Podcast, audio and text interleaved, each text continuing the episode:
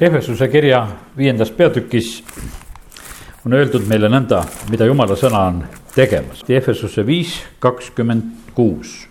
et teda pühitseda, olles ta puhastanud vees pesemisega sõna läbi. siin on räägitud Kristusest ja kogudusest, no siin on õpetus üldse, et kuidas mehed peaksid naisi armastama. ja selleks võrdluseks on toodud, et kuidas Kristus armastab kogudust on loovutanud iseenese tema eest, et teda pühitseda, olles ta puhastanud vees pesemisega sõna läbi. et kogudust iseenda ette seada kirkana, nii et tal ei oleks plekki ega kortsu ega muud selle sarnast, vaid et ta oleks püha ja laitmatu. ja sellepärast vaata see meie uuendamine käib tegelikult, käib jumala sõna läbi ja sellepärast on vaata seda pidevalt väga vaja kui me lohakalt peseme ennast, siis jääme mustaks. siin alles ühel päeval ma pesin ennast ja vaatasin sedasi, et pesin natukene küll, aga pärast vaatasin, et käevarred on nii mustad kõik tead. sest et noh, pesid ainult siit, aga need olid kaugemalt ka juba mustaks saanud ja ja siis ei jäänud midagi muud üle, et panin pikavarrukutega särgi selga. ja sest, et vaatasin, et noh, et enam ei jõudnud pesema ka hakata ja, ja, ja siis sain nagu lihtsalt nagu sellest aru, et, et vaata, kui tähtis on tegelikult, et see vesi puudutaks nagu igat kohta. ja, ja sellepärast on see nii, et täna oleme siin jumala sõna juures ja sellel on oma õnnistus ja kasu. see võib tunduda niimoodi, et noh, et ei tea, kuidas see nagu mõjub, aga ta igal juhul mõjub. sellepärast, et jumala sõna on elav, ta on vägev ja see on nii, et mitte ainult meie, mitte ainult meie kõrvad ei kuule seda sõna vaid eh, iga meie ihurakk tegelikult seda kuuleb. Ja sellepärast on see nii, et, et eh, me vahest nagu mõtleme sedasi, et no inimesed ütlevad, mulle ei jäänud meelde või palju, mis iganes. et see on selline lugu, et vaata, kui sa oled selle sõna keskkonnas, eh, siis see mõjub tegelikult kogu meie olemusele. Ja sellepärast olen lihtsalt selles usus, et nii nagu noh, ütleme meie veega ennast peseme ja see puhastab meid, samamoodi on jumala sõna, kui see meist nagu üle käib, siis see on meid puhastamas ja sellepärast kiitus Jumalale, et, et võime täna seda teha. Ja, ja selle kaudu meie mõtted ja meeled saavad uuendatud, saavad värskendatud, nii nagu noh, ütleme, et meil praegusel ajal need telefonid ja värgid on, et me näeme, et neid on järjest vaja nagu värskendada ja uuendada. ja jumala sõna ütleb, et me seespidine inimene peab samamoodi nagu pidevalt uuenema ja, ja sellepärast on üks pidev eh, tegelikult protsess on meil sellega ka, et, et me oleme nagu selles sõnakeskkonnas. mis keskkonnas me oleme, seda, seda keelt me lõpuks räägime. vaata, on niimoodi, et inimesed, kes lähevad teisele maale elama, elavad kuskil teises keelekeskkonnas, mis nendega juhtub, nad hakkavad teistmoodi rääkima. ja, ja vastavalt eh, sellele keskkonnale, eh, kus nad on ja vaata, kuidas see tegelikult mõjub, see võtab nagu meilt midagi nagu ära ja me hakkame võib-olla oma emakeelt aktsendiga rääkima. Ja noh, et aga miks see niimoodi on, aga lihtsalt sellepärast, et ta kuulis hoopis teist keelekõla. Ja sellest piisas. Ja sellepärast, kallid, kui me oleme jumala sõna juures, siis meil jääb see jumala riigi aktsent jääb juurde ja sellepärast on lihtsalt see niimoodi, et see paratamatult tuleb meie juurde. kui, kui me selles ei ole, kui me oleme kuskil maailma keskkonna, keskkonnas, siis jäävad meile need maailma asjad ja need aktsendid jäävad mu juurde. ja, ja sellepärast on nii, et igal juhul ma ütlen, et näed, see sõna ja, ja kogu see selline atmosfäär, kus me oleme ka vaimu läbi, mis on jumal tõotanud, et ta on meiega, on igal juhul väga võimsasti mõjumas. ja, ja sellepärast kiitus Jumalale, et näed, täna eh, võime jälle ta sõna juures olla. nüüd järgmine mõte tuleb mul Mattiuse evangeeliumi kaheksateistkümnendast peatükist ja, ja sellest ühest Jeesuse tähendamise sõnast, mida ta räägib eh, pärast Peetruse sellist küsimust, kui Peetrus küsib, et mitu korda tuleks anda vennale andeks, kui ta minu vastu on eksinud või patustanud ja et palju siis tuleb andeks anda. see on kaheksateist kakskümmend üks ja Jeesus ütles talle, ma ei ütle sulle, et seitse korda, vaid kasvõi seitsekümmend seitse korda seepärast on taevariik kuninga sarnane, kes tahtis oma sulastega arvet teha. Siin tuleb üks väga oluline eh, jumala riigi põhimõte tegelikult tuleb esile. et jumala riigis on arvepidamine ja jumala riigis on selline väga täpne arvepidamine, igaühe meie koha pealt on olemas. ja, ja sellepärast on see nii, et, et Jeesus ütleb, et taevariik on kuninga sarnane, kes tahab. see on teise sõnaga võib seda tõlkida, kes, kellele meeldis kes armastas tegelikult eh, arvestust pidada, me oleme erinevad inimesed, osad on niimoodi, et on väga täpsed oma elus igasugu asju arvestama ja kirja panema ja. ja, ja elavad täpselt, teised ei tea mitte kui midagi, kõik on sassis ja noh, ütleme, et, et mingisugust sellist korda ei ole. taevariigis on kord, taevariigis on väga täpne arvepidamine. seal peetakse arvet iga meie sõna üle, meil tuleb aru anda igast igast sõnast kord ja sellepärast on nii. taevariigis on väga tähelepanu iga meie teo üle. vaata, jumalal on nii palju selliseid tõotusi. no näiteks, et kui sa alastad kehva peale, siis jumal on tõotanud, et tema tasub selle heateo tähendab, ta peab selle kirja panema, sellepärast et siin teisiti ei ole, millal ta seda heategu tasub või, või kuidas ta seda teeb. jumal paneb tähele seda kui me teda kiidame ja ülistame ja, ja, ja sellepärast, et sellel on tegelikult oma tõotused ja asjad. ja vahest on see nii, et, et kui vaatad kasvõi laste elu, et äh, mõtled sedasi, mõni laps no lihtsalt laulab jumalale palju kiitust. ja ma olen ise nagu selle mõtte juures olnud, et no milline tasu tegelikult tuleb äh, talle ühel päeval elus selle tõttu, et tema kiidab jumalat. kas ta teeb seda, noh, kui, kui teadlikult ta seda teeb või kuidas ta seda teeb. aga vaata, kui see on jumalale tänu, siis see no jumalat igal juhul see liigutab, sellepärast et selles on on väljendatud usku ja armastust ja sellepärast kiitus Jumalale, et, et Jumal paneb nagu tähele, seal on arvepidamine. no Malachi raamatus on räägitud sedasi, et Jumal paneb tähele meie ohvreid. vastavalt sellele avab või sulgeb taevaluuke, vastavalt sellele e, ta sõitleb rohutirtse või neid või, või igasugu röövikuid ja asju, mis on. seal on, no kuidas ütelda, Jumalal on, võiks ütelda nii palju tegelikult neid asju, millega ta on sidunud. E, praegu ma hetkel noh, tuletan mõnda võiks ütelda väikest asja nagu eh, kõigest sellest meelde. aga eh, jumal eh, peab kõike meeles, mida ta on tõotanud, mis isegi meil meeles ei ole ja tema tõotused kehtivad ja, ja ta on väga järjekindlalt nende taga siin selles loos oli räägitud siis, mida jumal nagu väga teha tahab. ta tahab arvet pidada inimeste üle ja siin on räägitud, et ta tahtis oma sulastega arvet teha. ja kui ta hakkas arvet tegema, toodi ta ette üks, kes võlgnes talle kümme tuhat talenti noh, ja see on niimoodi, et siin all on kirjutatud, läks piiblis niimoodi, et üks talent äh, vastas siis äh, kuue tuhandele teenarile. üks teener oli töömehe tavaline päevapalk, noh, ütleme tollel ajal, kui Jeesus seda rääkis ja ma olen kunagi arvestused teinud, et põhimõtteliselt oli see niimoodi, et sellel äh, inimesel oli võlg, mida ta oleks saanud ära teenida, tasa teenida kahesaja tuhande aastaga või kuuskümmend miljonit tööpäeva. kui matemaatiliselt see Jeesuse selline võrdlus nagu ära matemaatiliselt ette võtta, siis see on noh, see on võimatu. sellepärast, et piibli inimesed, eh, need ütleme seal enne veeuputust ja nendel perioodidel elasid, noh, ütleme tuhat aastat aga kahtesadat tuhandet aastat mitte keegi ei elanud. ta on kogu sellest, ütleme sellest eksisteerimisest, on see sum-, see aastate arv on nagu üle, kui inimesed on siin ilmas elanud. no, no nii ja, ja sellepärast aga mis see mõte oli selles, et võlg oli selline, mida maksta võimatu. järgmine asi, mis siin juhtub, et see, kelle üle seda arvet peeti, see lihtsalt palub armu ühel hetkel, ta ütleb, et ole minuga pikameelne, ma maksan sulle kõik muidugi see lubadus oli selline noh, mida ei ole võimalik täita, aga põhimõtteliselt noh, ütleme, et Jeesus siin räägib selliselt, ütleb, et, et noh, me vahest võime ka nagu e, usus, uskuda nagu imesid, et äkki, äkki tuleb kuskil need miljonid, et maksamegi selle ära, e, et suudangi seda maksta aga isandal hakkas sulasest hale ja ta laskis tal minna ja ta kustutas ta laenu. ja põhimõtteliselt e, täna hommikul, kui ärkasin, siis saan nagu sellise mõtte, et see üks sulane on nagu terve inimkond. Vaata, meie, kes me oleme üldse jumala ees, jumal vaatas selle inimkonna peale, et see kogu selle inimkonna eh, võlg, no ütleme eh, kui noh, ütleme, et sellel ajal, kui Jeesus juba maa peal elas, kes ennem ja, ja kes me oleme pärast elanud, jumal teab ju kõike, kõiki inimesi ja ta mõtleb nagu kõikide peale. kogu selle inimkonna võlg on nii suur, et meie ei ole tegelikult mitte keegi üksikult ja rääkimata siis terve inimkond ei ole suutelised seda maksma. ja jumalal ei jäänud mitte mingisugust muud lahendust, see oli enne maailma rajamist oli tal pääste, päästmise plaan, enne maailma rajamist oli tal lunastuse plaan, et kui inimestega läheb nii, et nad pattu langevad, siis mina tegelikult lunastan, mina ostan nad sellest äh, võlast välja.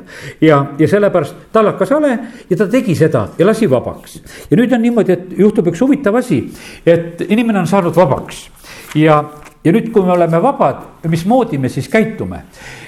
sest et vaata, niikaua kui me oleme orjad, me ei saagi vabalt käituda vabalt me saame käituda siis, kui meid on vabaks lastud. ja sellepärast on nüüd üks huvitav asi on näha seda, et, et see sulane, kes oli saanud oma võlakoormalt välja käitub, põhimõtteliselt käitub nagu selles mõttes halvasti, sest ta hakkab ühte oma kaassulast taga kiusama ja nõudma tema käest võlga.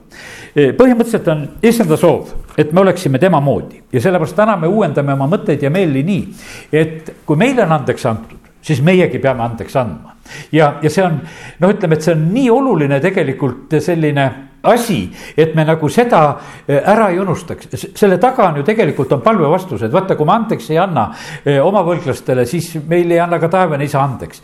meie palved jäävad vastuseta ja sellepärast on see niimoodi, et meie vahest mõtleme sedasi, et me muudkui palume, aga jumal vaatab üle kas andestused on olemas või ei ole.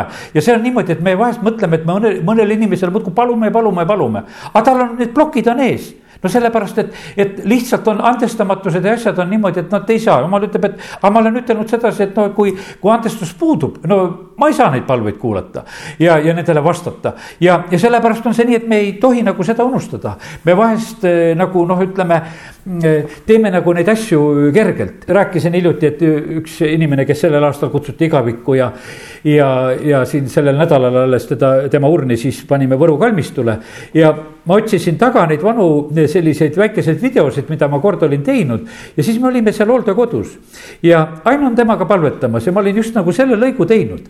Elsa ütleb sedasi ja ma olen kõigile inimestele kõik andeks andnud.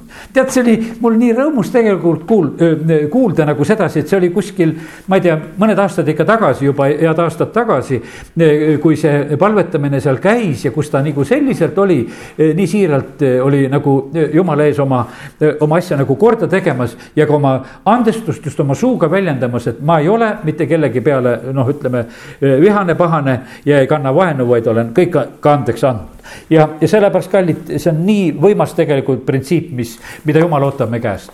me peame olema tema moodi, tema on meile kõik andestanud ja, ja ta ootab, et meie oleksime samamoodi need, kes eh, andestaksime kõikidele. see on väga raske küsimus, sellepärast et vaata, praegu on, ütleme, sõda käimas kahe seal vennase rahva vahel. ütleme, et Ukraina ja Venemaa, ühed slaavlased kõik, aga no praegusel hetkel on sõda. seal on väga palju on tegelikult on eh, sellist noh, ütleme andestamatust, sellepärast et noh, et väga värskelt on sündinud väga palju kurja üksteisele, mida on tehtud, alles-alles on tehtud. olukorrad on niimoodi kujunenud, aga jumala sõna ei tagane mitte üks raas, vaid et ta ütleb ikkagi ka vaatamata kõigele sellele, mis on praegusel hetkel toimumas või mida tehakse.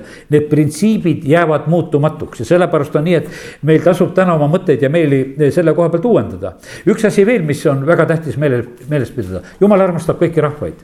Praegu me elame selles ajas, kus jälle nagu noh, ütleme püütakse nagu eh, mõni rahvus nagu teha nagu mingisuguseks süüdlaseks või, või halvaks või noh, nagu oli, ütleme, et omal ajal oli, tehti, ütleme, et kasvõi juute tead. ja, ja leiti piiblistki nagu seda tuge ja värki ja, ja siis ütleme siin hakati rääkima, et noh, nemad lõid Jeesuse risti ja sellepärast on see nii ja nüüd me kristlastel oleme asemel. see ei ole nii, kui loed Uut Testamenti, siis jumalal ei ole, ei ole vahet juudi ega kreeklase vahel, see on puhas vale, eh, mida noh, ütleme inimestele pähe topiti ja, ja sellepärast, et eh, absoluutselt ei ole jumal niimoodi suhtumas, tal ei ole mitte ühtegi keelt, tal ei ole mitte ühtegi rahvast, eh, keda tema ei salliks. ilmutuse raamatust loeme, et kõikidest keeltest, kõikidest rahvastest on ju inimesed jumala palge ees. Ja, ja, ja sellepärast on see nii, et, et eh, meie peame täna nagu neid asju nagu lihtsalt oma meeltes nagu uuendama. Ja ma täna teengi niimoodi, et, et eh, lihtsalt uuendame oma meeli, et armastada kõiki rahvaid hoolimata sellest, mida praegusel hetkel siin ümberringi püütakse nagu kujundada. sest et praegu on isegi selline aeg, inimesi vahest kutsutakse välja, kus nende käest küsitakse küsimusi. kuidas sa suhtud sellesse, kuidas sa suhtud teisesse ja siis on niimoodi, inimene peab vastama. mina olen täna niimoodi mõelnud sedasi, et mina vastan nii nagu piibel vastab, et armastan kõiki. sellepärast, et jumal, ma tahan olla nii nagu, kuidas minu taevane isa, ta ei tee vahet inimeste vahel ja sellepärast on see niimoodi, et meil peavad olema isegi need vastused valmis. siin on inimesed, kes ületavad piire, vahest küsitakse neid küsimusi. teate, et puhkudel, kus, kus pannakse neid nagu selliste olukordade ette ja sellepärast ka me peame olema nagu nendeks olukordadeks valmis. nüüd mõned kohad, Mattiuse kakskümmend kaheksa, üheksateist, seal on Jeesuse väga otsene selline läkitus, mida ta ütleb mida tuleb teha ja ta läkitab kakskümmend kaheksa, üheksateist, ütleb, et minge siis ja tehke jüngriteks kõik rahvad, ristides neid isa, poja ja püha vaimu nimesse. Jeesus peab silmas kõiki rahvaid ja ta peab praegu silmas ka kõiki rahvaid. põhimõtteliselt ei ole ühtegi rahvast, kelle juurde ei peaks minema, sest et issand on läkitanud kõikide juurde. ja kui nii täna mõelda sedasi, et meil on issanda käest on viisa kõikide rahvaste juurde inimesed teevad sedasi, et noh, et umbes, et anname viisa või ei anna viisat, et see on vaenulik riik ja sinna me ei lähe ja sinna ei luba minna ja, ja tead ja noh, et käib üks sihukene kemplemine. jumala suhtumine on selline, et evangeelium peab minema kõikidele rahvastele ja mitte kellegist mitte mingisugust vahet ei tehta. loeme sellesama mõtte Luuka evangeeliumi kahekümne neljandast peatükist ja kakskümmend neli, nelikümmend seitse ja tema nimel peab kuulutatama meeleparandust pattude andeks andmiseks kõigi rahvaste seas, alates Jeruusalemmast. mulle see nii meeldib, et jumal ei jäta mitte mingisuguseid küsimärke, vaid ta on oma armastusega haaranud kõik inimesed ja, ja meil on läkitus tegelikult kõikide inimeste juurde Apostlite tegude kümnendas peatükis, kui Peetrus on Korneliuse kojas, eh, siis Peetruse suust tulevad eh, need õiged sõnad, eh, sest et ta on ühtäkki hakanud mõistma midagi, mida jumal on tegemas. kümme kolmkümmend neli, nüüd Peetrus avas oma suu ja ütles, tõepoolest, nüüd ma mõistan, et jumal ei ole erapoolik, vaid talle on vastuvõetav iga rahva hulgas see, kes teda kardab ja teeb õigust see on sõna, mille ta on läkitanud Iisraeli lastele, kuulutades evangeeliumi rahust Jeesuse Kristuse kaudu, kes on kõikide issand et vaata, siin oli jutt Iisraelist, aga siin on öeldud, ta ütleb kord veel üle sedasi, et, et issand on kõikide jaoks, ka paganate jaoks. ja, ja põhimõtteliselt on niimoodi, et, et äh, muidugi panid tähele, kui sa tähele panid seda, et jumalale on vastuvõetav iga rahva hulgas see, kes teda kardab ja teeb õigust aga vaata, kõikide rahvaste juurde ta läkitab ja sellepärast on see niimoodi, et, et jumal, jumalal on igast rahvasuguharust on neid inimesi, eh, kes pöörduvad tema poole, kes teevad õigust ja vaata, sealt jookseb tegelikult üks piir. Eh, tekib, ütleme, tekib üks uus rahvas Eh, see on see jumala rahvas tegelikult, kes me oleme praegusel hetkel ka, kes me oleme ka täna siin. ja, ja sellepärast kiitus Jumalale, jumala rahvas koosneb kõikidest rahvatest. nüüd ma võtan ilmutuse raamatu viienda peatüki üheksanda salmi ja, siin on kirjeldatud niimoodi ning nad laulsid uut laulu sina oled väärt võtma raamatu ning avama selle pitserid, sest sina olid tapetud ja sina oled ostnud Jumalale oma verega inimesi kõigist suguharudest, keeltest ja rahvastest ja paganahõimudest ning oled nad teinud kuningriigiks ja preestriks meie jumalale. ning nad hakkavad valitsema kuningatena üle ilmamaa. Nii et kõikidest keeltest ja rahvastest ja suguharudest, jumalal ei ole mitte mingisugust noh, ütleme kompleksi, ta armastab kõiki, kõiki inimesi, keeli ja rahvaid ja, ja suguharusid, ilmutuse seitse, üheksa.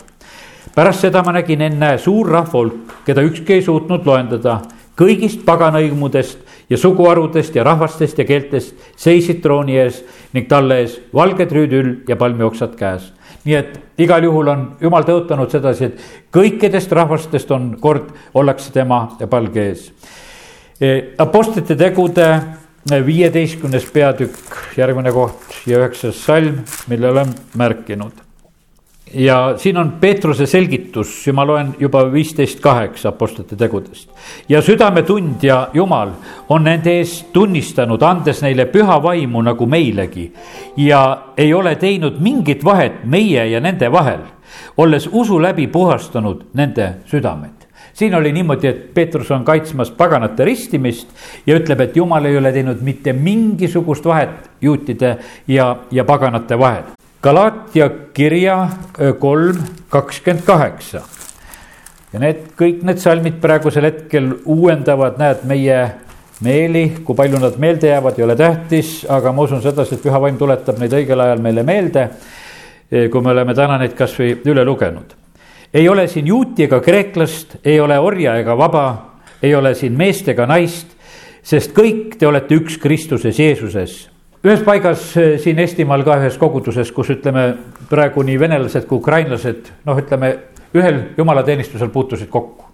ja ma ei oskagi ütelda, kumb pool siis seal seda sellist nagu sõnasõda alustas, aga igal juhul oli keegi seal jutlustas, aga teine rahvus hakkas vastu panema, no lihtsalt, et eh, nemad ei olnud nagu selle jutuga nõus.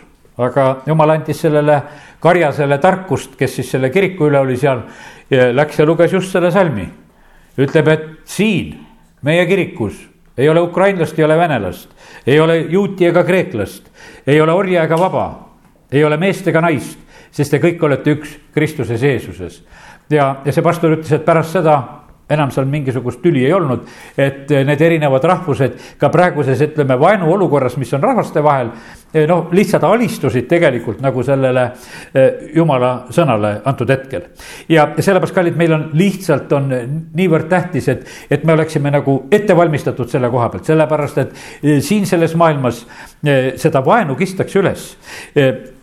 Ehesuse kirja teisest peatükist loen salmid neliteist ja kuusteist. no siin on juttu juutidest ja paganatest, ütleme, see oli nagu sellel esimesel sajandil väga tugev probleem, sellepärast et jumal oli oma armu pööranud ka paganate poole. juudid olid nagu sellega hädas, sest nad olid ju see valitud rahvas õnnistuse jaoks maailmale. aga mida issand on teinud, sest tema on meie rahu, kes on mõlemad liitnud üheks ja lõhkunud maha vaheseina, see tähendab vaenu oma ihu kaudu kui ta muutis kehtetuks käskude seaduse, et luua eneses need kaks üheks ainsaks uueks inimeseks, tehes rahu kuusteist salm ning et lepitada Jumalaga mõlemad ühes ainsas ihus risti kaudu, surmates risti peal vaenu. ja sellepärast vaata, see rahvastevaheline vaen on tegelikult risti peal, on surmatud ja, ja sellepärast ja Jeesus tegi seda oma ihus, meie kõik, kes võtame issanda lauast osa, sööme seda Kristuse ihu, siis me peame ka seda meeles pidama. et põhimõtteliselt, et see, selles ihus on inimestevaheline vaen, on tegelikult surmatud. ta muutis selle kehtetuks ja, ja lihtsalt ta lepitas ja, ja sellepärast ühes ainsas ihus, surmates risti peal selle vaenu ja sellepärast on kallid, me võime lihtsalt usus vastu võtta sedasi, et, et kui kellelgi noh, et tuleb vastust anda nendest asjades, et miks sa ei ole vaenulik, kelle vastu nõutakse vaenulik olla. ta ütleb, aga ma olen Kristuses ja Kristuse risti peal surmas selle vaenu ja mul ei ole seda vaenu mitte kuskilt võtta. sellepärast, et see on juba ammu ära tapetud ja, ja sellepärast ma ei saa lihtsalt vaenlane olla. ja vaata, aga meil peab tegelikult olema, püha vaim peab andma meile lihtsalt tarkust nendel hetkedel, et, et kuidas ja mida, mida, mida vastata ja, ja sellepärast kiitus Jumalale, Rooma kirja eh, kümnenda peatüki eh, kaheteistkümnes salm. ei ole ju erinevust juudi ja kreeklase vahel, sest seesama issand on kõikide issand, rikas kõikide jaoks, kes teda appi hüüavad. Eh, Rooma kirja kolmanda peatüki kakskümmend kaks on öeldud seda, sest see jumala õigus, mis tuleb Jeesusesse Kristusesse uskumise kaudu kõigile, kes usuvad. Siin ei ole erinevust, sest kõik on pattu teinud ja ilma jäänud jumala kirkusest ning mõistetakse õigeks tema armust päris muidu lunastuse kaudu, mis on Kristuses, Jeesuses, kelle jumal on seadnud tema veres lepitusohvriks usu kaudu, et näidata üles oma õigust sellega, et ta kustutas varem tehtud patud oma jumalikus sallivuses. et näidata üles oma õigust praegusel ajal et ta ise on õige ja teeb õigeks igaühe, kes usub Jeesusesse. nii et eh, jumala sõna ja tema tõotused on eh, väga no selgelt kõikide rahvaste jaoks ja sellepärast meie, kui tahame olla jumala moodi, eh, siis armastame kõiki. vaen on surmatud, meie suhtumised on sellised ja siis meil on hea ütelda sedasi, et me lihtsalt teisiti ei saa.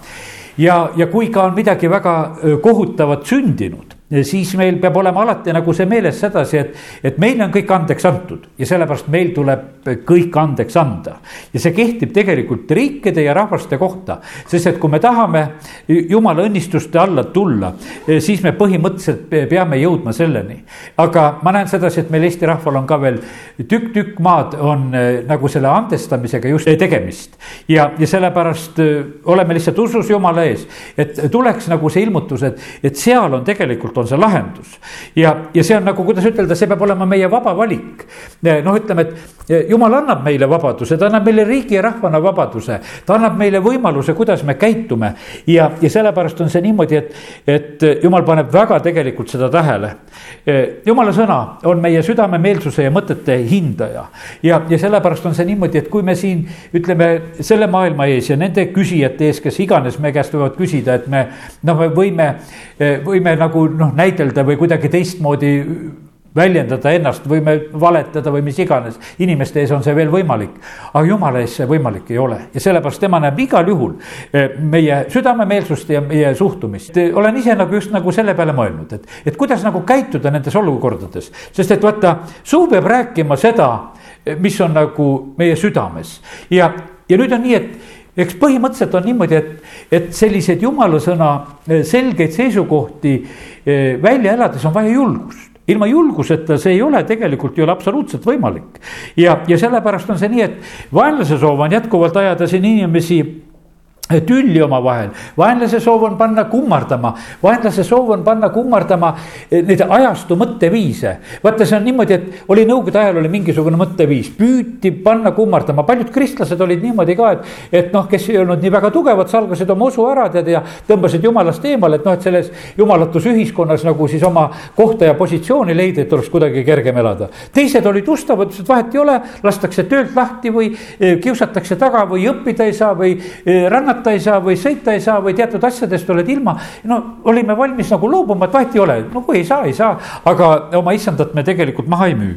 ja noh, ütleme nende tühiste asjadega, noh, ütleme põhimõtteliselt, kui igavikuga võrrelda, noh, ütleme, et elus nad võisid olla inimestele olulised ja tähtsad asjad, aga igaviku võrreldes igal juhul tühised asjad. ja, ja sellepärast, kallid, meil peab olema see otsus, et keda me kummardame. see on meie issand jumal. vaata, kummardamine tähendab tegelikult alistumist. kummardamine tähendab nagu enda nagu volitamist selle kätte, kelle ees me siis nagu oleme alistunud.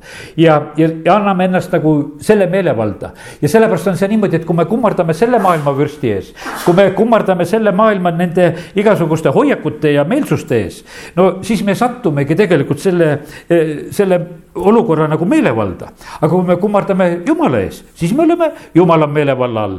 ja, ja sellepärast on nii, et issand on ikka otsimas tegelikult neid, neid ustavaid, kes oleks tema tahet täitmas. kahekümne esimene peatükk Mattiuse evangeeliumis, vaatame veel ühte tähendamissõna. seda Jeesus räägib otseselt muidugi seal juutidele ja räägib nagu selle pildi sellest Viinamäe rentnikest kakskümmend üks, kolmkümmend kolm, kus see tähendab, sõna algab. no räägib, et oli inimene, majaisand, kes istutas Viinamäe, piiras selle aiaga, õnnestas kaljusse surutõrje ehitas valvetorni. ja andis siis selle rentnike kätte ja ise reisis võõrsile. ja siis ta hakkab ootama saaki, ta hakkab ootama saaki, et see saak tuleks, ütleme sealt Viinamäelt tuleks sellele Viinamäe omanikule. aga siis inimesed otsustavad, et kuule, et, et me tahaksime ise peremehed olla, me ei anna mingit saaki. kallid, vaata ma nägin täna nagu seda pilti niimoodi, jumal on eh, meile elu kinkinud, ta on meid ema-jõus kudunud. eh, ta on meid eh, kasvatanud ja valmistanud, ütleme, ta on nagu no ütleme, et vaata, vanemad hoolitsevad, vanavanemad hoolitsevad, kuidas iganes, ütleme, lapse kasvamine käib. teda õpetatakse koolides ja kohtades ja toimub üks tohutu valmistamine. noh, ütleme, toimub ja nüüd on niimoodi, et ja jumalal on täiesti tegelikult õigus oodata sellelt inimeselt, kelle ta on nagu kinkinud, kes, kes on nagu tema see põllumaa. ta ootab selle käest nagu seda saaki. aga inimene võib otsustada, aga mina elan iseendale et aga mina sellele jumalale mitte midagi anda ei taha, ma tahan aja võtta endale, ma tahan ise otsustada, mida ma teen, kuidas ma elan. aga kallid, vaata see, mida, mida meie nüüd praegusel hetkel teemegi. Me oleme otsustanud sedasi, et me uuendame oma mõtteid ja meeli. me ei ela iseendale, me võtame siin mingisuguse aja, me laulame jumalale kiitust. me võtame aja, et me loeme jumala sõna, me võtame aja, et me palvetame, et püüame otsida ka sidet temaga küsida tema käest, kuulda, mida tema räägib. ja, ja põhimõtteliselt on see nii, et ja oleme valmis tegelikult iseennast nagu andma ka, et, et jumal, sina tarvita meid niimoodi, kuidas, no kuidas sinul on vaja. ja, ja, ja ma usun sedasi, et need inimesed, kes mida julgemalt ennast annavad tegelikult issanda kätte Need annavad seda vilja Jumalale, mida tema tahab. ega need asjad ei ole nii imekeerulised, mida me sageli tegema peame. aga issand otsibki meie elust seda vilja, eh, noh, mida tema tahab leida. ja sellepärast kiitus Jumalale, et, et ta leiab, ta ütles, et noh, kelle käest ei saa. Eh, siis ta annab selle, selle viinamäe teiste kätte, ta annab nende kätte eh, sellele rahvale, kes talle siis vilja kannab ja sellepärast on see niimoodi, et, et ega jumal igavesti ootama meie juurde ei jää, ta ootab sedasi ja vaatab ka igaühe meie peale, aga vaatab ka Eesti rahva peale, et kuidas meiega on, kas me oleme valmis talle midagi andma või ei ole. ja, ja siis on niimoodi, et noh, muidugi väga raske lugu on sedasi, et, et ta hukkab need kurjal kombel. Need, kes talle vilja ei kanna see rahvas ja riik, jumala sõna ütleb väga selgelt, kes teda ei teeni, see hävib. see maailm on jumala eesmärkide jaoks, inimesed on jumala eesmärkide jaoks. Ja see, mis ei kanna eesmärki, see on niimoodi, et see puu, mis vilja ei kanna raiutakse maha, no mis me oma aias teeme, kas te kasvatate neid puid, mis vilja ei kanna, et hoolega muudkui teed väetate ja, ja kasvatate neid ja ei kui on ikkagi viljapuu, siis sa ootad vilja. Ja kui ei ole õige viljapuu, siis ja viletsat vilja kannab. no siis on niimoodi, et kuule, no lihtsalt tuleb maha raiuda, ootad, ootad ja ega igavesti ootama ei jää. ja täpselt on jumal oma sõnas ütelnud nii, et on inimeste eluga on täpselt see lugu. ja sellepärast on niimoodi, et vaata, et nagu Jeremiah raamatust oleme mitmel korral ikka tuletanud meelde. see inimene, kes teeb valet oma elus, tal võetakse pool elu kõmdi poole elu, sul ei ole vaja, sest et mulle vilja ei kanna. sa hoopis varastad teisi, röövid teisi siin. Sa, sa oled nagu mingisugune noh, ütleme parasiit, vaata, kes varastad siin selles ilmas. ja tal jumal otsustab, aga sihukest parasiiti ma ei pea kauem. aitab talle poolest elust küll. näitas ennast palju, näitas praegusel hetkel ja, ja inimesed lähevad selle pärast varahauda. midagi teha ei ole ja, ja sellepärast on niimoodi, et ja, ja ma usun sedasi, et kui me oleme vahest nagu mõtlema, mõtlema hakanud inimeste ja olukordade peale, siis leiadki, et täpselt nii on läinud et eh, kas tehakse need inimesed viljatuks, ei ole nendel järeltulijaid, kas, eh, kas nende elud lõpevad varakult? Ja need asjad lihtsalt sünnivad sellepärast, et jumal vaatas, no vilja ei tule. ja ma seda ei lase sadat aastat elada. Ja, ja sellepärast eh, koristan neid ära. nii et jumal on väga oma tõotuste taga. Ja, ja sellepärast kiitus Jumalale, et näed, saame jälle mõtteid ja meeldi uuendada, aga nüüd see rahvas, kes otsustab Jumalale tegelikult vilja kanda, kes otsustab elada jumala tahte järgi, siis järgmine mõte on see, see rahvas tegelikult peab olema julge. sest et, sest et issanda teenijad eristuvad siin selles maailmas oma julgusega. ja sellepärast, kui mõtleme, ütleme piiblis nende usukangelaste peale, no siis aina me tegelikult näeme sedasi nagu seda julguse poolt. no Hebra üheteistkümnendas peatükis on palju neid lugusid, aga ma mõnele asjale nagu viitan, Hebra üksteist teen ka siia silma ette lahti. ja nendest usukangelastest mõnede elus tuleb see julgus nagu erilisel moel esile ja no ütleme, et esimene julgus, mida nagu siin täna lugedes märkasin, oli see, et olid Moosese vanemad, kes elavad väga hullul ajal, kui kästakse kõiki poeglapsi hävitada, kui need poisid sünnivad seal Egiptuses. aga üksteist kakskümmend kolm, usus hoidsid Moosese vanemad pärast ta sündimist teda kolm kuud varjul. sest nad nägid ta olevat ilusa lapsega kartnud kuninga korraldust. Vaata, siin oli julgus, praegusel hetkel kehtib selline asi, et, et poisid ei tohi sigineda siin. aga nad ei kartnud kuninga korraldust ja nad olid julged. Nii, siis on eh, väga võimas on nagu näha sedasi, et, et kakskümmend neli salm on öeldud sedasi, et, et usus keeldus Mooses, kui ta oli saanud suureks eh, laskmast ennast nimetada Vaara tütre pojaks. no see oli tegelikult oli võimas julgus, eh, sa tegelikult hakkad noh, ütleme selle maakuningale vastu, ütleb, et mulle su pere ei meeldi. ma siit praegusel hetkel keeran selja ja lähen minema. kakskümmend seitse salm ütleb Moosese kohta, et usus jättis Mooses maha Egiptuse kartmata kuninga raevu kartmata kuninga raevu ja noh, muidugi see nähtavasti on rohkem selle teise korra kohta, kus ta ütleb, et lase mu rahvas minna, ta käib korduvalt ja korduvalt selle vaeraöös ütleb, et me läheme jumalat teenima. ja vaata, ja see oli selline, kuidas ütelda, selline jumala teenimise julgus, mis, millega ta tegelikult on, et tuuakse nagu see, see välja. ühel hetkel jätab selle koja maha, teisel korral ta eh, lihtsalt lahkub sealt Egiptusest.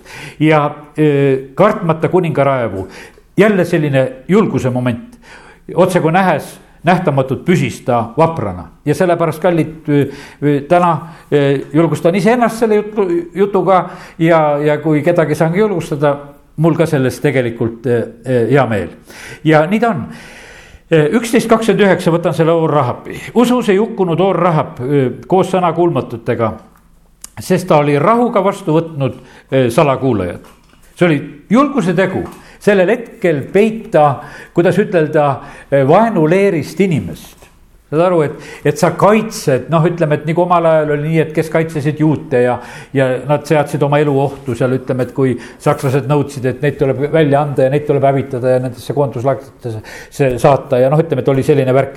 osad inimesed kaitsesid, kaitsesid tegelikult oma elu hinnaga riskides ja me näeme sedasi, et, et see rahv, kes on seal äh, elamas Jeerikos, ta tegelikult võtab vastu need maakuulajad ja salakuulajad siin, nagu on öeldud sedasi, ta kaitseb neid. no see oli niimoodi, et noh, see oli no eluohtlik tegu, millega tegeles sellel hetkel. ja, ja sellepärast ja inimesed tegelevad praegu ka eluohtlike tegevustega. ja sellepärast tuleb ära tunda, eh, kus on õige tegelikult teha. ja, ja sellepärast ja, ja siis küll jumal annab julgust ja küll jumal paneb oma eh, kaitse ja varju ka. ja ja sellepärast julgustagu meid ka see Rahabi eh, selline julgustegu, millega ta tegeles ja hakkama ka sai noh, Gideoni julgusest oleme võib-olla rohkem rääkinud, ei hakka praegu Gideonist rääkima, noh, ega ta väga julge ei olnud. aga ühel hetkel ta sai julgeks, ta tegi seal katseid, tegi palveid. Ta sai aru, et jumal ta palvetele vastab, need villad kuivad või märjad, eks ja, ja, ja, ja siis ta saab selle julguse ja lõpuks on ta nii, et koos kõigi nende julgetega kes siis kolmsada tükki lõpuks välja valitakse, lähevad ja võidavad Midjani. Hebra üksteist, kolmkümmend kaks salm ja mida ma veel ütlen mul puudub aeg jutustada Gideonist, no täna mul ka puudub aeg kõigest jutustada. Baarakist, Simsonist, Jeftast, Taavetist, Samuelist. ma leian, et minu jaoks võib-olla on kõige vähem on räägitud siin Baarak ja Jefta ütleme, et kellest olen nagu vähem rääkinud, sest et need teised kõik, kellest oleme rohkem rääkinud, teame palju rohkem. ja sellepärast ma täna lugesin eh, Jehta lugu ja lugesin ka Baraki lugu ja sellepärast õpime nagu teatud asju ja, ja seda julgust ka, eh, mis tuleb just eh, nende kaudu. nüüd ma teen lahti Baraki loo ja see on kohtumõistjate raamat. see on neljas peatükk ja see on üks selline huvitav lugu, et pisut võib-olla sellest räägime. Debora ja Barak võidavad Siisera, on see neljas kohtumõistjate raamatu peatükk. Iisraeli lapsed tegid jälle, mis kuri oli issanda silmis, kui Ehud oli surnud, tähendab, eelmine kohtumõistja oli surnud siis andis issand nad Kaanani kuninga Jaabini kätte, kes valitses Haasoris. tema sõjaväepealik oli Siisera kes elas Aroset Koojemis. Ja Iisraeli lapsed kisendasid issanda poole, sest tal oli üheksasada raudsõjavankrit ja ta rõhus Iisraeli lapsi tugevasti kakskümmend aastat. Et tankid on kõvasti seal nagu platsis ja kohas, sest et tolleaegsed need raudsõjavankrid võime täiesti, ma usun, võrrelda praeguses mõttes nagu nende, selle tehnikaga, mis on praegu. ja nüüd on nii, et see kuningas Jaabin on neid rõhumas ja rõhub kakskümmend aastat. Sellel ajal on üks naisprohvet, eh, Debora, kes mõistis Iisraelile kohut ja ta istus kuskil seal Debora palmi all Raama ja Peeteli vahel Efraimi mäestikus. Debora, see naisprohvet, saab ühe sõnumi tegelikult jumala käest. ja kuues salm ütleb ja Debora läkitas käskjala ja laskis kutsuda Baaraki, Abinaumi poja Naftali Kedesist ning ütles temale. eks ole issand Iisraeli jumal käskinud mine rända Taabori mäele ja võta enesega kaasa kümme tuhat meest Naftali ja siis sebunlaste hulgast. Nonii, tema peab võtma endale kümne tuhandese sõjaväe. siis juhin mina su Kiisoni jõe äärde. Siisera Jaabini sõjaväepealiku ja tema sõjavankrid ja väehulgad ma annan siis ühesõnaga tema kätte, noh selle Baraki kätte nüüd ütleme, et see Debora saab ühe selge pildi, et on üks mees Barak. talle tuleb sõnum saata ja vaata, kui sina saad sellise e, sõnumi ühtäkki ühe prohveti käest kes ütleb sulle sedasi, et sinu asi on võtta sõjavägi kokku, sinu asi on minna nende raudsõjavankrite vastu. aga siin oli ka öeldud sedasi, et tulemus on see, et see väehulk e, antakse sinu kätte. no Barak vastab talle, et ta nagu ei julge päris üksi minna, ütleb, et noh, et, et kui sa tuled koos minuga, ta tahtis, et see prohveti naine tuleks ikka temaga kaasa vähemalt. siis ma lähen. aga kui sa ei tule minuga, siis ma ei lähe. nüüd eh, see prohveti naine ütleb, et ma tulen kindlasti koos sinuga. aga üks huvitav asi on öeldud siin edasi, et aga nüüd on niimoodi, et, et see au, et eh, ei tule mitte sinule Siisera langeb tegelikult ühe naise käe läbi no see on hiljem on üks, kelle telki ta läheb, hoopis üks teine naine tegelikult, kes siis tapab selle, selle sõjaväepealiku Siisera. ma ei oska ütelda sedasi, kui Barak ei oleks nõudnud, Barak oleks võtnud ülesande, lähen sõdin ei kutsu mingisugust prohvetinaist kaasa, lihtsalt lähen. kas siis oleks olnud teistmoodi, aga antud hetkel on niimoodi, et järgmine sõnum tuleb kohe, jah tulen sinuga kaasa, aga eh, selle, selle väepealiku tegelikult võidab hoopis üks naine. Nonii, ja põhimõtteliselt on see niimoodi, et eh, see lähebki täpselt nii, nagu oli prohveteeritud. neliteist salm ja te, Deborah ütles Barekile, tõuse, sest see on see päev, mil issand annab Siisera sinu kätte. eks ole, issand su ees välja läinud, siis Barek läks Taabori mäelt alla ja tema järel kümme tuhat meest ja issand viis segadusse Siisera ja kõik sõjavankrid ja kogu leeri Baaraki mõõgatäre ees. Siisera astus vankrist maha ja põgenes jala noh, ja siis ongi niimoodi, et ta põgeneb kuskile ühte telki ja, ja seal telgis tegelikult teda ka tapetakse. ja, ja noh, ütleme, et lihtsalt see lugu läheb nii, aga mis siin oli vaja? siin oli vaja issanda sõna peale julgust. sest et ega põhimõtteliselt oli, mida sellel Baarakil siis eriti teha oli ta pidi võtma need kümme tuhat meest, pidi nendega minema sellesse teatud kohta, kuhu oli vaja, nii nagu umbes Gideongi pidi minema. ja issand viis segadusse Siisera ja kõik ta sõjavankrid. Ja hoopis issand ise lõi seda lahingut. Ja sellepärast on niimoodi, et täna me laulsime siin, ma märkasin üles, koos me jumala armee. Ja ja me ei karda, laulsime samamoodi ja mulle nii meeldis sedasi, et me täna väljendasime selles laulus ka, et me ei karda, sest ma teadsin, et ma hakkan julgusest rääkima. ja, ja sellepärast juba selles laulus tegime seda otsust. ja mille pärast ei karda, sest lahing tema oma on mitte meie oma lahing ei ole ja sellepärast on see niimoodi, et, et ma ei julgusta mitte ennast mingisuguse oma lahingu jaoks vaid issanda lahingu jaoks. jumalal on tegelikult on vaja eh, julgeid siin selles maailmas, sellepärast et jumala riigi võidud on kõik julgete läbi. ei ole ühtegi võitu jumala riigis mingisuguste argade läbi. ja, ja sellepärast on niimoodi, et jumalal on vaja praeguses ajas samamoodi, kes julgevad sellesse lahingusse minna. kes ei karda, ei karda neid igasugu sanktsioone ja vangistusi ja, ja mis iganes ja tagakiusu. Eh, absoluutselt võtta seda ei pea kartma, teate, vaenlane ehmatab ära, kui ta neid julgeid näeb. kui nad nägid Peetrust ja Johannest ja mõtlesid, no kus koha pealt sellel, see julgus on, et nad julgevad suurkohtule vastu hakata. kuidas, kuidas on niisugused mehed? no siis nad tundsid ära, et nad olid olnud koos Jeesusega. ja sellepärast, kallid, eh, meie, meie roll on tegelikult siin selles maailmas lihtsalt ollagi siin eh, selle julgusega, mida issand meile annab. ja see ei ole mitte mingisugune hull julgus, vaid et see on see julgus, mis tuleb eh, tegelikult issanda käest. ja, ja sellepärast kiitus Jumalale, et näed, täna sellised julgustused antakse ja, ja, ja kallid, ma ütlen sedasi, vaata, ma ise olen vaadanud sedasi, ma olen väga palju rääkinud viimasel ajal.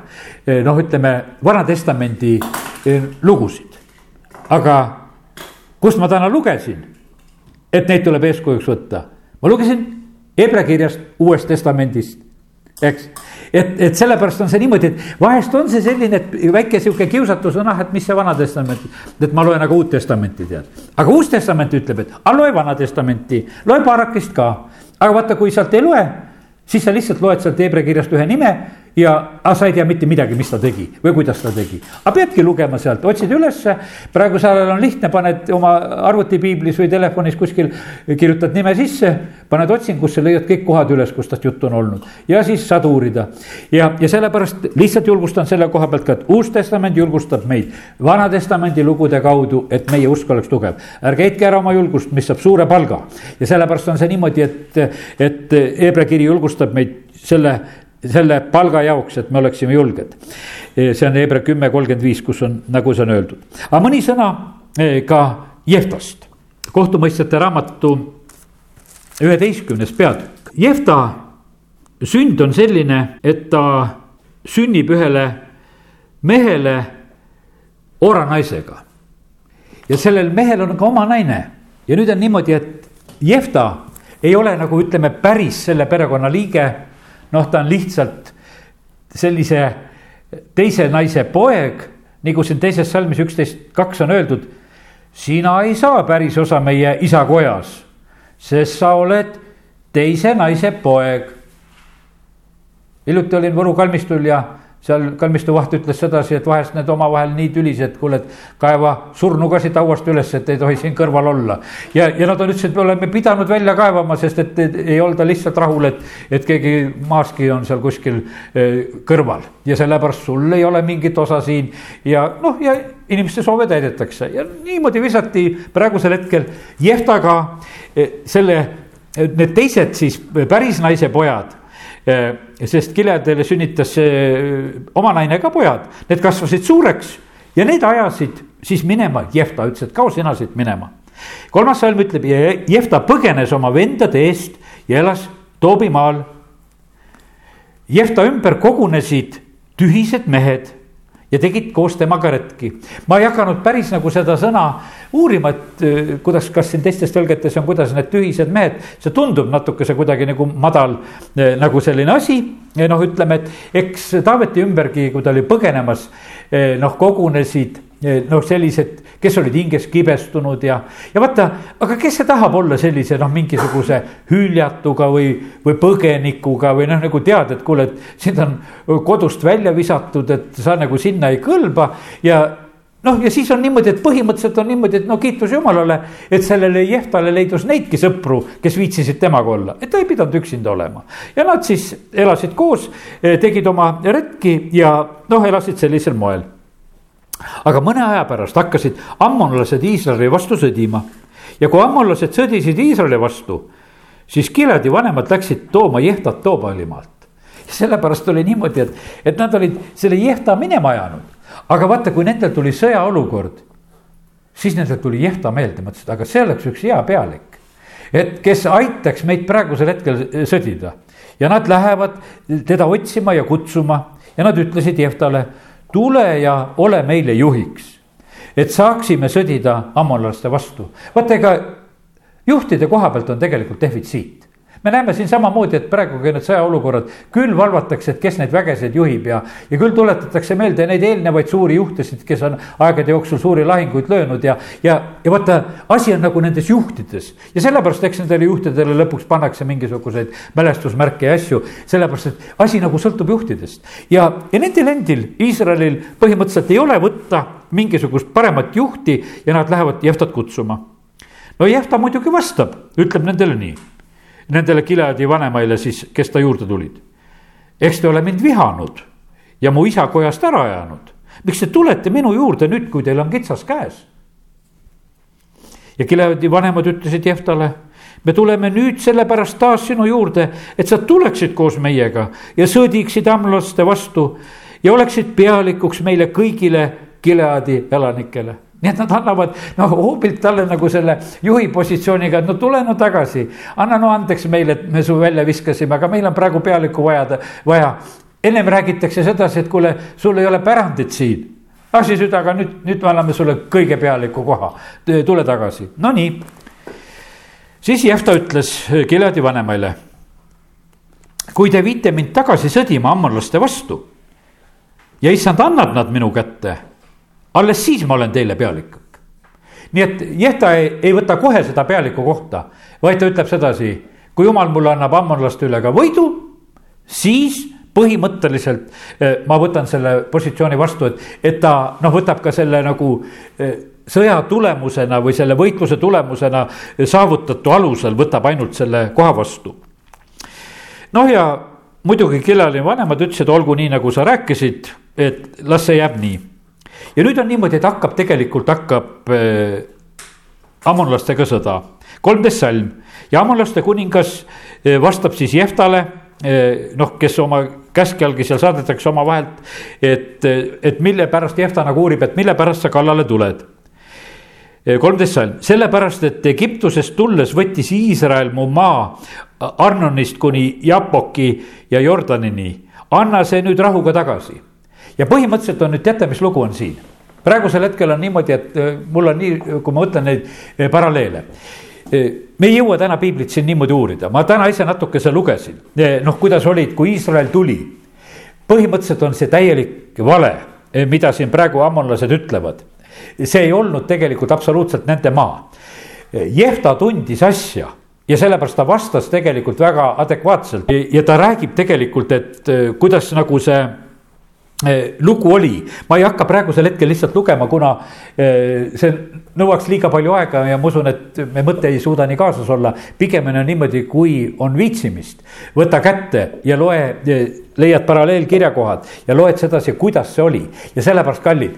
Nende maade jagamistega on täpselt seesama lugu. praegu riigid ja rahvad omavahel maga, jagavad maid ja me näeme sedasi, et et Jehtal oli tegelikult see tarkus ka juriidiliselt asja lahendada ja rääkida, kuidas, kuidas need maadetükkide kuuluvused ja asjad on. ja, ja siis tal on kakskümmend üks salm, ta ütleb sedasi, aga issand Iisraeli jumal andis Sihoni ja kogu ta rahva Iisraeli kätte. Nad lõid neid, Iisrael päris kogu emorlaste maa, kes seal elasid. Nad pärisid kogu emorlaste maa Arnonist kuni eh, Japokini ja kõrbest kuni Jordanini nii on siis nüüd issand Iisraeli jumal ajanud ära emorlased oma Iisraeli rahva eest. ja, aga sina tahad pärida seda maad ja sellepärast, kallid, on vaja tunda ajalugu on vaja teada sündmusi, mis on olnud. teate, mis aja sündmused need olid? kakskümmend kuus salm ütleb sedasi. Need on kolmsada aastat ennem toimunud lood. aga palju me teame lugusid mis kolmsada aastat tagasi meil toimus? Mina ei ole võimeline mitte ühegagi väitlema, sest ei tunne teemat. mis toimus ja kui, kui tead sedasi, mis oma eluajal on sündinud ja, ja kui neidki asju õieti tead, eks. aga me näeme sedasi, Jehta tegelikult sellel hetkel räägib ajalugu ja räägib seda, mis puudutas, see kakskümmend kuus salm räägib seda. ja, ja siis ta täitsa ütleb sedasi, et, et miks te ei ole siis selle aja jooksul neid eh, ära võtnud, et miks te seda kolmesadat aastat ei ole tarvitanud, kui teil on mingisugune probleem siin üleval. ja, ja sellepärast ta võitleb ja, ja, ja väitleb, võitleb ja väitleb tegelikult väga hästi. ja, ja nüüd on niimoodi, et ja noh, ütleme, tuleb sõda Jehta võidab need vaenlased, seal on võib-olla selle Jehva, Jehta tütrega selline meie jaoks arusaamatu lugu, aga sellest midagi muud ei ole ütelda, minu meelest on see selline lugu, et ei tasu igasugu tõotusi ja sõnu suust pilduda ja sellepärast on niimoodi, et vaata igast sõnast tuleb aru anda ja, ja tõotusi tuleb tasuda ja sellepärast tuleb väga tegelikult jälgida sedasi, et me rumalaid tõotusi ei räägi. sellepärast, et vaata, sõnadel on meelevald, nii nagu täna me oleme püüdnud jumala tõotusi rääkida, need hakkavad meie kohti kehtima. surm ja elu on keele võimuses ja sellepärast on see niimoodi, et Jehta tütar tegelikult sureb väga kurba surma. selle tõttu, et Jehta suu ühel hetkel ütles ühe rumala sõna välja, mida ta nagu rääkis ja, ja see tütar võtab isegi selle asja ja olukorra nagu noh, ütleme kuidagi väga noh, armulikult veel vastu nagu selle olukorra, aga, aga lihtsalt äh, sellest kangelasest on nagu õppida seda, et, et kui ta mõnes asjas oli nagu väga tugev kus ta näed, tundis ajalugu ja, ja, ja oli valmis, valmis andeks andma nendele, kes teda olid kodust seal välja visanud ja oli valmis nendele pealikuks minema ja kõike ja, ja, ja sellepärast elu on kogu aeg olnud keeruline tegelikult ja sellepärast teate, jumal aitab meid praegusel ka ajal nendes keerulistes aegades. ja, ja ma usun sedasi, et ta täna selle julgustuse sõnumi on andnud nagu sellepärast, et, et me hakkama saaksime. ja, ja sellepärast on see nii, et meie julgus tuleb ainult jumala käest, mitte kuskilt mujalt. me tarkus tuleb jumala käest, püha vaim annab sellel hetkel, kui on vaja rääkida. aga püha vaim saab meelde tuletada seda sõna, mida me tunneme ja sellepärast tasub lugeda jumala sõna. amin ja me täname sind, Jumal, et, et eh, sa oled ka meid armastanud ja oled kutsunud ja me tahame olla sinu moodi, me tahame olla sinu moodi ka julged siin selles maailmas. ja isa, me täname sind, et, et olid Vana-testamendi aegsed julged ja on Uue Testamendi aegsed julged. ja me oleme täna võinud nagu nende julgusest nagu endale seda julgust võtta. ja isa, me palume, et aita meid, eh, kus on vaja eh, selle julgusega esile tulla, et olla õnnistuseks, et tuua võitusid. kõik julged tõid võitusid ja sellepärast, Jumal, me täname südamest, et täna võime lihtsalt nagu rõõmu tunda sellest, et, et meie, kes me oleme praeguses ajas elamas, et me võiksime Eestimaa rahvale tuua võitusid. et iga, iga rahvas, iga jumala rahvas oma rahva keskel võiks tuua oma rahvale neid õnnistusi ja võitusid ja, ja vabadust. et jumal, sinu vaimsaks täita me maad ja rahvad ja, ja et võiks olla vabadus ja, ja kui me oleme vabad, aita meid siis õieti elada, aita meid teha õigeid valikuid, aita meid andestada, armastada, nii nagu sa oled täna meid õpetanud. isa, kiitus ja tänu ja ülistus sulle. amin